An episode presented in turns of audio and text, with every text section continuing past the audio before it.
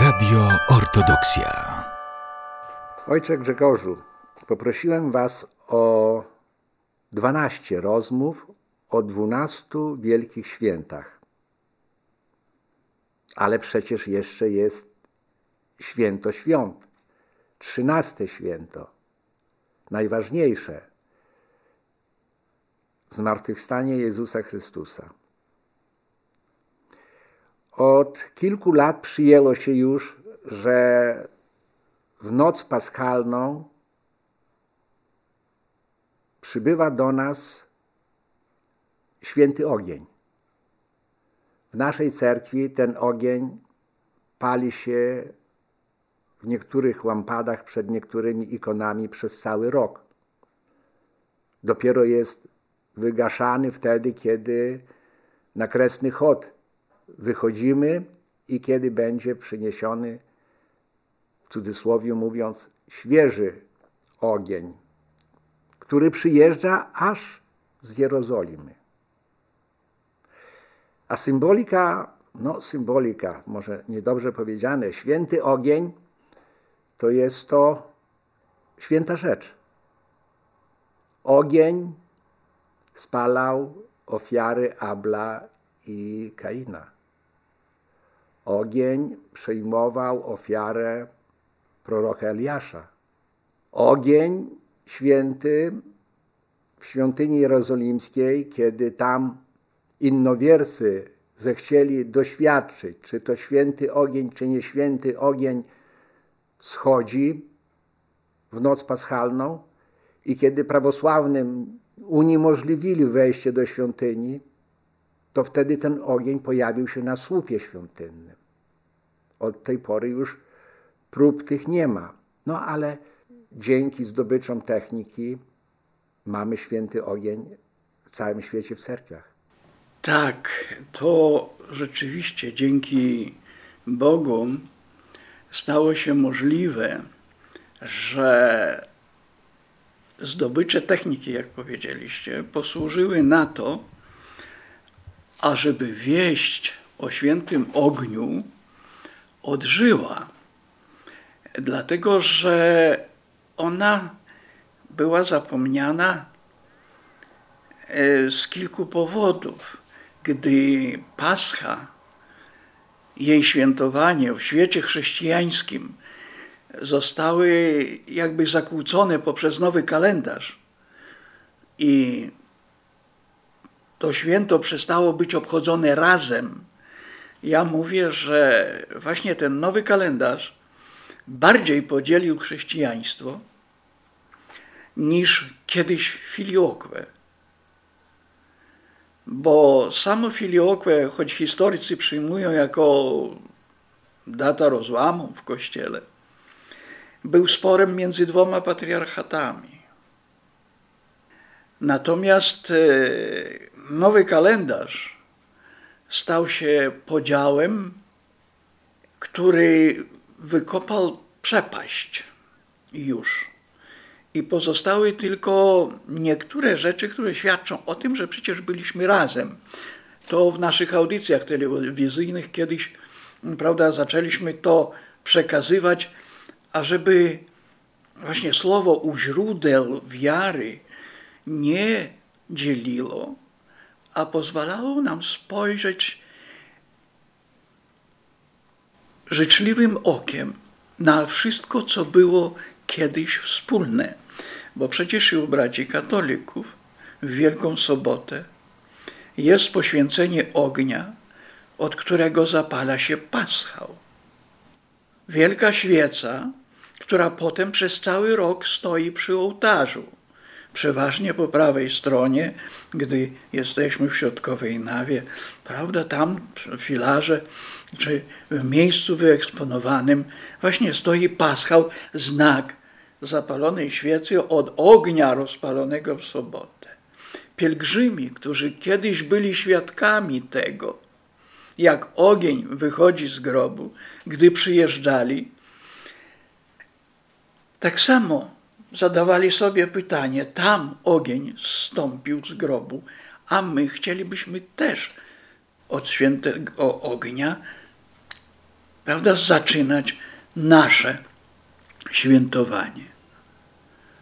I stąd tradycja właśnie rozpalania ogniska, na które się zbiera drzewo, nie byle jakie, a godne tego, żeby rozpalić ogień w Wielką Sobotę, żeby ono było tym materiałem i od niego zapalić świecę paschą.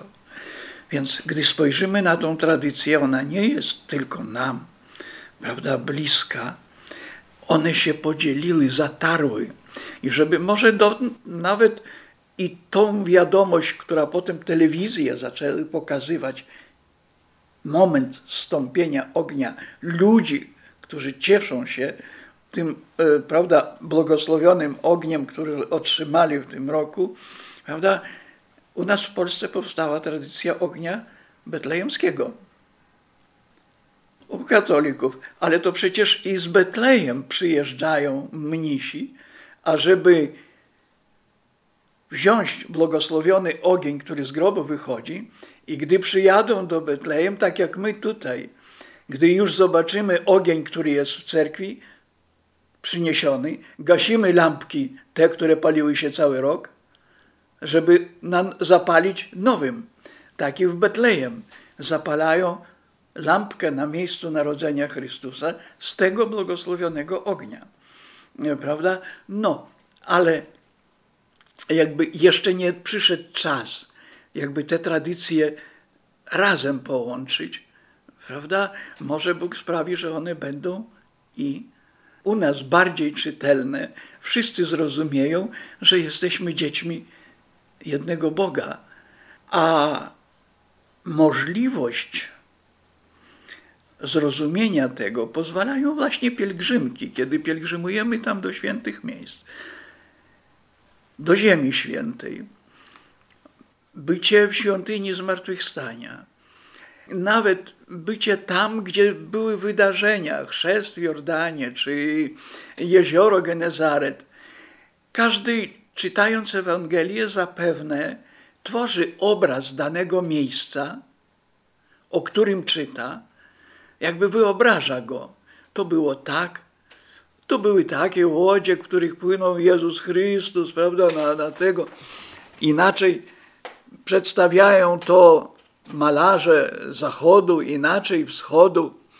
Prawda? Nie dlatego, że tutaj jest różnica jakaś ewangeliczna, po prostu umiejętność pisania, tradycja malowania przedstawia bardziej bogaty albo bardziej skromny obraz. Ale prawdziwy obraz przychodzi tam, wtedy, gdy my już jesteśmy na tym miejscu i widzimy to miejsce.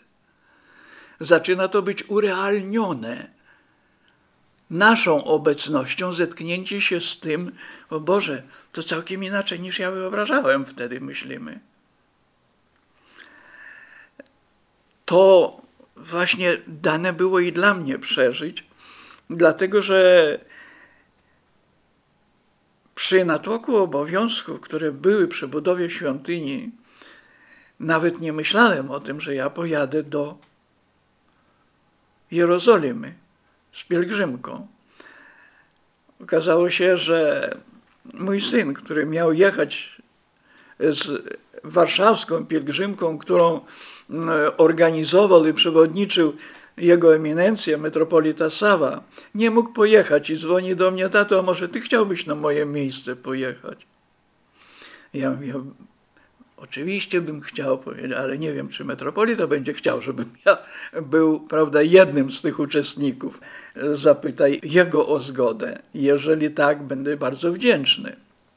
I Bóg błogosławił, że właśnie była zgoda metropolity i ja mogłem moje wyobrażenie świątyni grobu pańskiego, świątyni zmartwychwstania poprawić na takie, jaką była, jest naprawdę, a nie taką, jak ja wyobrażałem, prawda, w swoim mniemaniu.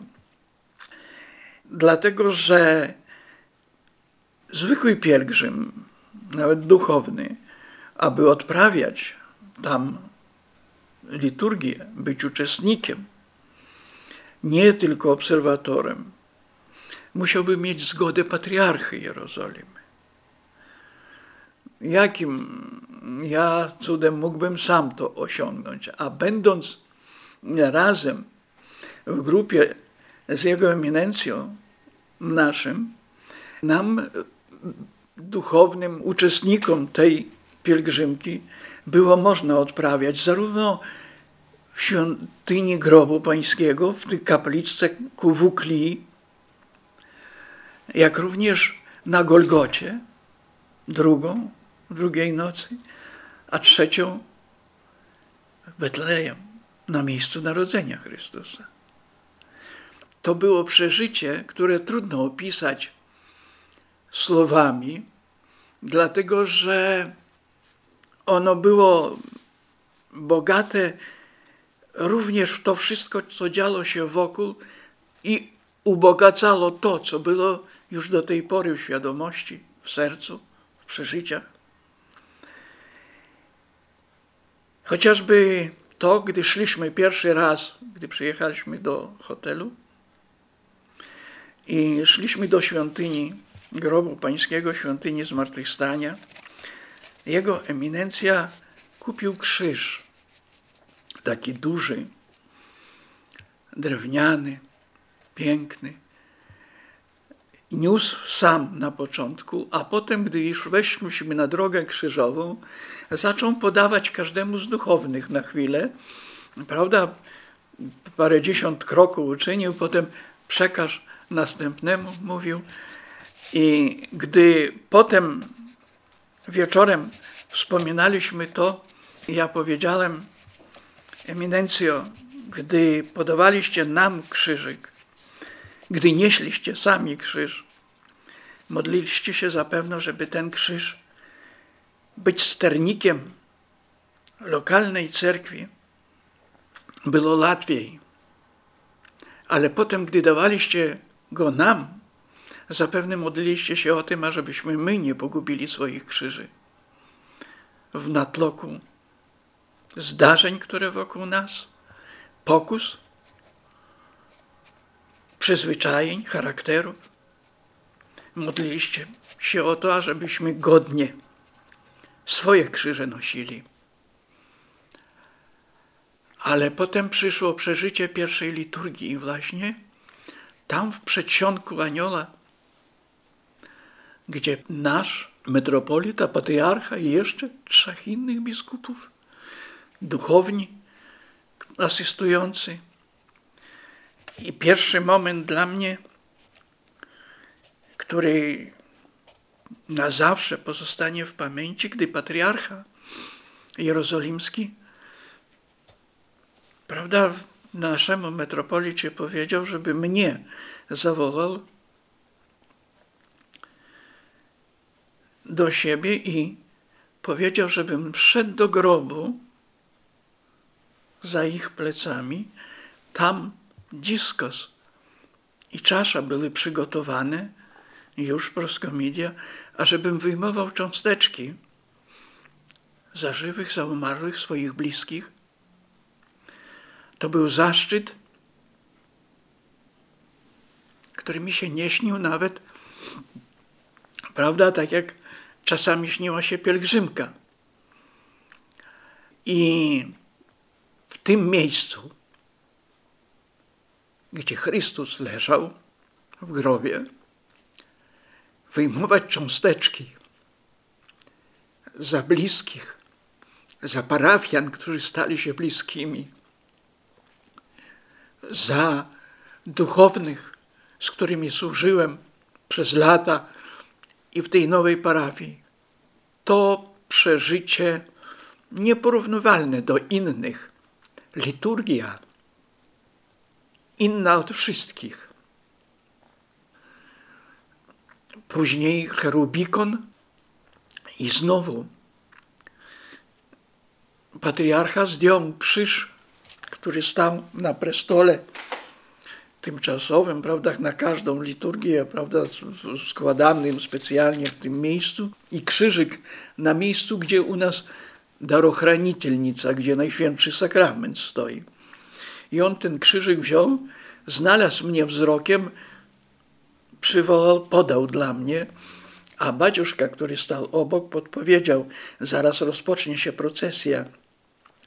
Świeca idąca będzie pierwsza, którą niesie diakon, a potem ty, ojcze, za tą świecę będziesz prowadził procesję dookoła grobu. I tak stałem się znowu uczestnikiem, który nie wiedział, czy jest w niebie, czy na ziemi. Procesji dookoła kuwukli i duchowni niosący kielich i patenę, prawda? I potem patriarchę przyjmującego z rąk ich, ażeby już dokonywać najświętszej ofiary.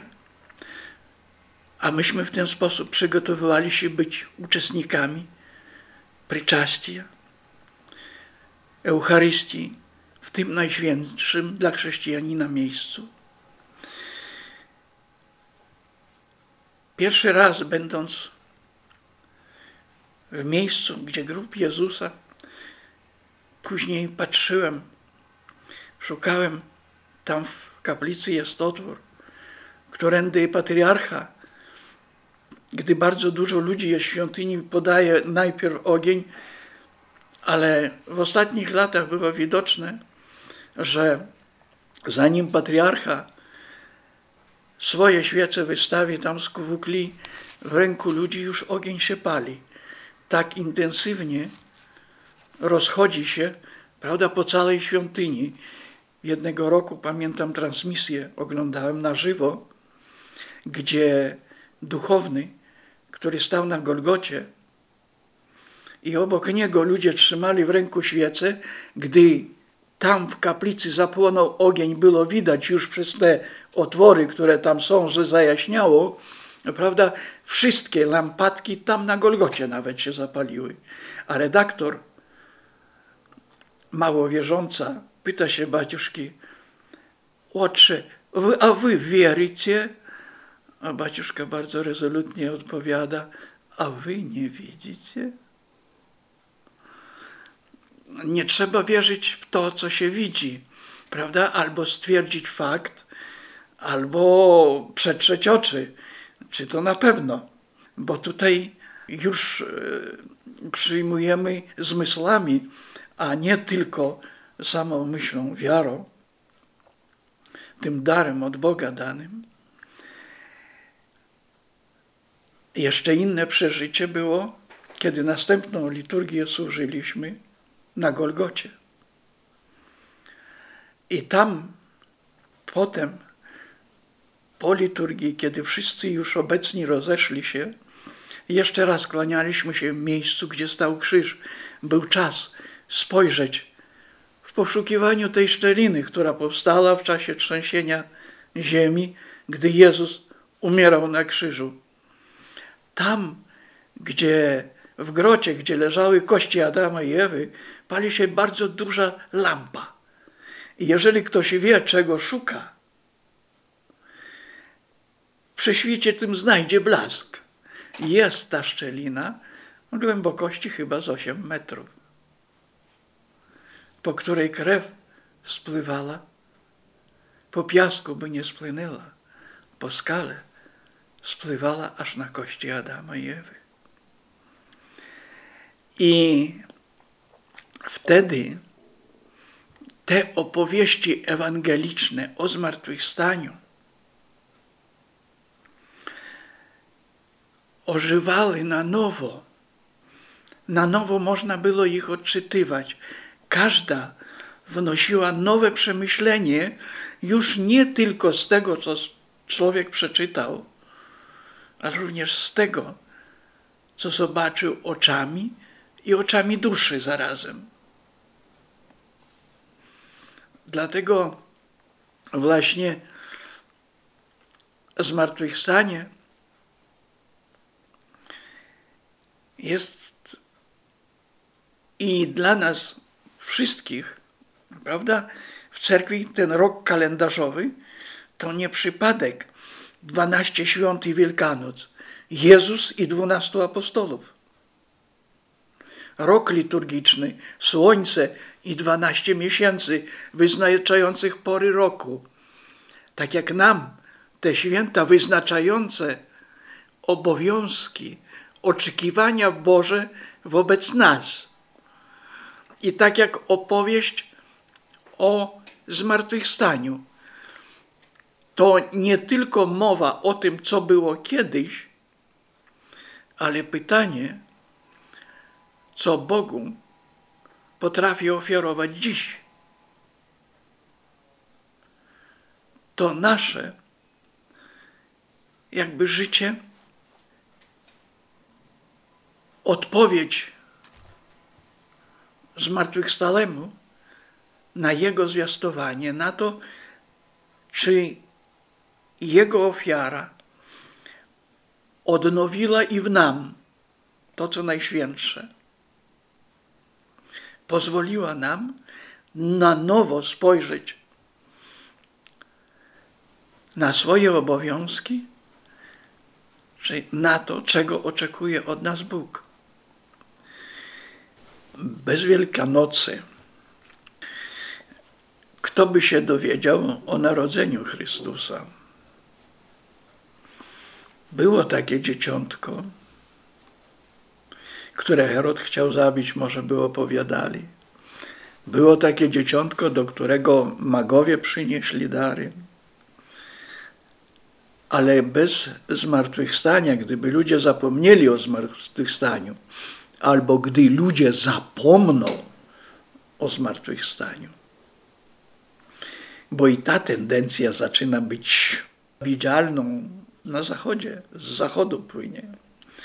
Prawda? Wtedy przestaną ludzie zrozumieć, co to znaczy święto świąt. To święto stało się jakby ukoronowaniem wszystkich pozostałych uroczystości. Zwiastowanie było zapowiedzią. Dnie spasienia naszego gławizna, początek, fundament. Zmartwychwstanie było ukoronowaniem. I tak dla każdego święta. Narodzenie Chrystusa nazywane jest drugą Paschą. Objawił się światu jako człowiek, jako dzieciątko, nie przestając być Bogiem. I potem następuje to, co On już właśnie powiedział, w jaki sposób Bóg Ojciec świadczył o Nim, gdy z Jordanu wychodził. Oto syn ukochany, któregom sobie upodobał. Bóg jest miłością. I syn Boży miłości uczył ludzi. Dlatego właśnie i w e, kanonie Paschy prażników prażnik i torżestwo i torżestw mówimy, w którym Chrystus objawił się błogosławiony na wieki. To przecież radzi nas i naszego radzi spasienia, jak mówimy w symbolu wiary. To nasze wyznanie, prawda, wiary również ma umocowanie w zmartwychwstaniu. Apostoł Paweł mówi, jeżeli Chrystus nie zmartwychwstał, to daremna nasza wiara i daremne przekazywanie. A zmartwychwstanie nie wymaga udokumentowania. Opisane w Ewangelii jest dokładnie. Jeżeli ktoś próbuje kwestionować, czy naśmiewać się ze zmartwychwstania, jak robili to ateiści u Sowietów i jak współcześni, prawda, filozofowie domorośli, prawda, próbują siać wątpliwość w ludzkich sercach. Dla mnie się spodobały słowa baciuszki Tkaczowa. Zapytano go, a dlaczego trzeba wierzyć, ja nie wierzę, no i co? A czego wy tutaj opowiadacie ludziom takie rzeczy? A on mówi, no mógłbym tobie odpowiedzieć tak. Jeżeli by ja posłuchał ciebie, że Boga nie ma, to co ty zyskujesz? Kto ci za to zapłaci? Jakiś profit masz z tego, że, że mówisz? Jeżeli ja uwierzę w to, co ty, prawda, głosisz, to obaj wszystko tracimy. Ty nie zyskujesz nic, a ja to, co miałem pięknego, też tracę. Natomiast gdy ja pozostanę przy swoim, to gdy przyjdzie czas, ja zobaczę to, co wierzę, a ty zobaczysz, co straciłeś. Przynajmniej jeden profit jest. Kiedy wspominam pobyt w Jerozolimy, przy tej okazji pamiętam znowu swoje święta. Pierwsze świętowanie Pascha w Lidzbarku Warmińskim. Orneta, pierwsza parafia, pierwsze moje służenie, początek, nauka wszystkiego. Ta nie teoria, a praktyka, to było właśnie tam bardziej uporządkowana, więcej było możliwości, nawet miejsca na procesję. Natomiast w Lizbarku ogromna poewangelicka świątynia, której procesję robiliśmy wewnątrz, bo na zewnątrz rozebrano płot, więc nawet nie było gdzie schować się przed tymi, co kamienie rzucają, bo każdy raz przyjeżdżając do cerkwi liczyłem, ile nowych okien wybito i ile trzeba będzie przeznaczyć pieniędzy, żeby nowe szyby powstawiać.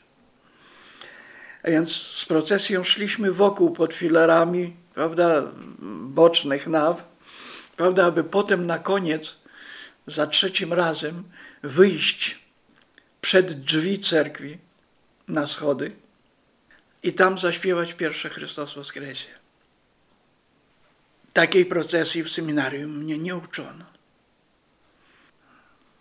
Prawda, czytaliśmy o uroczystości.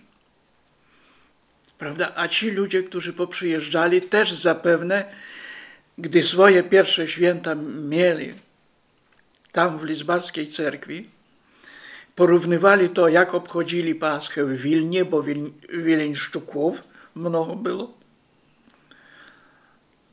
I ci od Białej Podlaskiej i z Chełma i kilka rodzin z Podlasia.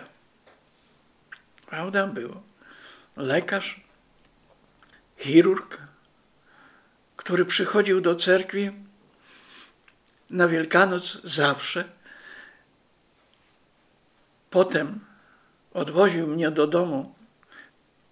On miał samochód, jedyny chyba z parafian, a ja miałem możliwość zjeść paschę z rodziną o drugiej po południu po skończonych nabożeństwach w Ornecie i Lizbarku.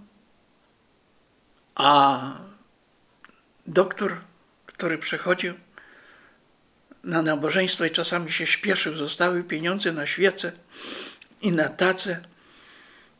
Wszyscy mówili, a, bo dzisiaj ma dyżur, operację ma. A przywozili do niego chorych oficjeli z Olsztyna, bo miał złotą rączkę, prawda? Jego operacje były, jak sami medycy oceniali, wspaniałe.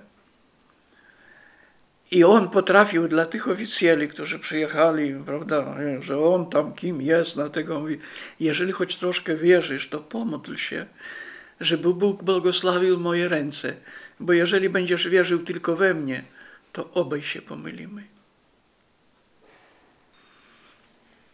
I on, będąc lekarzem, daleko od swojego domu, od Białostoczyzny, nie bał się przyznać, że był prawosławnym. I Chrystus w Woskresie dla niego znaczyło to, że dziękuję Bogu, że może przywracać ludziom życie, radość życia, chęć do życia i za to, że jest człowiekiem pośród ludzi. I to były takie dwa jakby momenty. Z jednej strony garstka ludzi. I można mówić, dlaczego tak mało nas narzekać, że jestem w tak trudnym miejscu. A z drugiej strony, ale z kim ty jesteś? Zobacz, spójrz, jak oni wierzą. Radio Ortodoksja.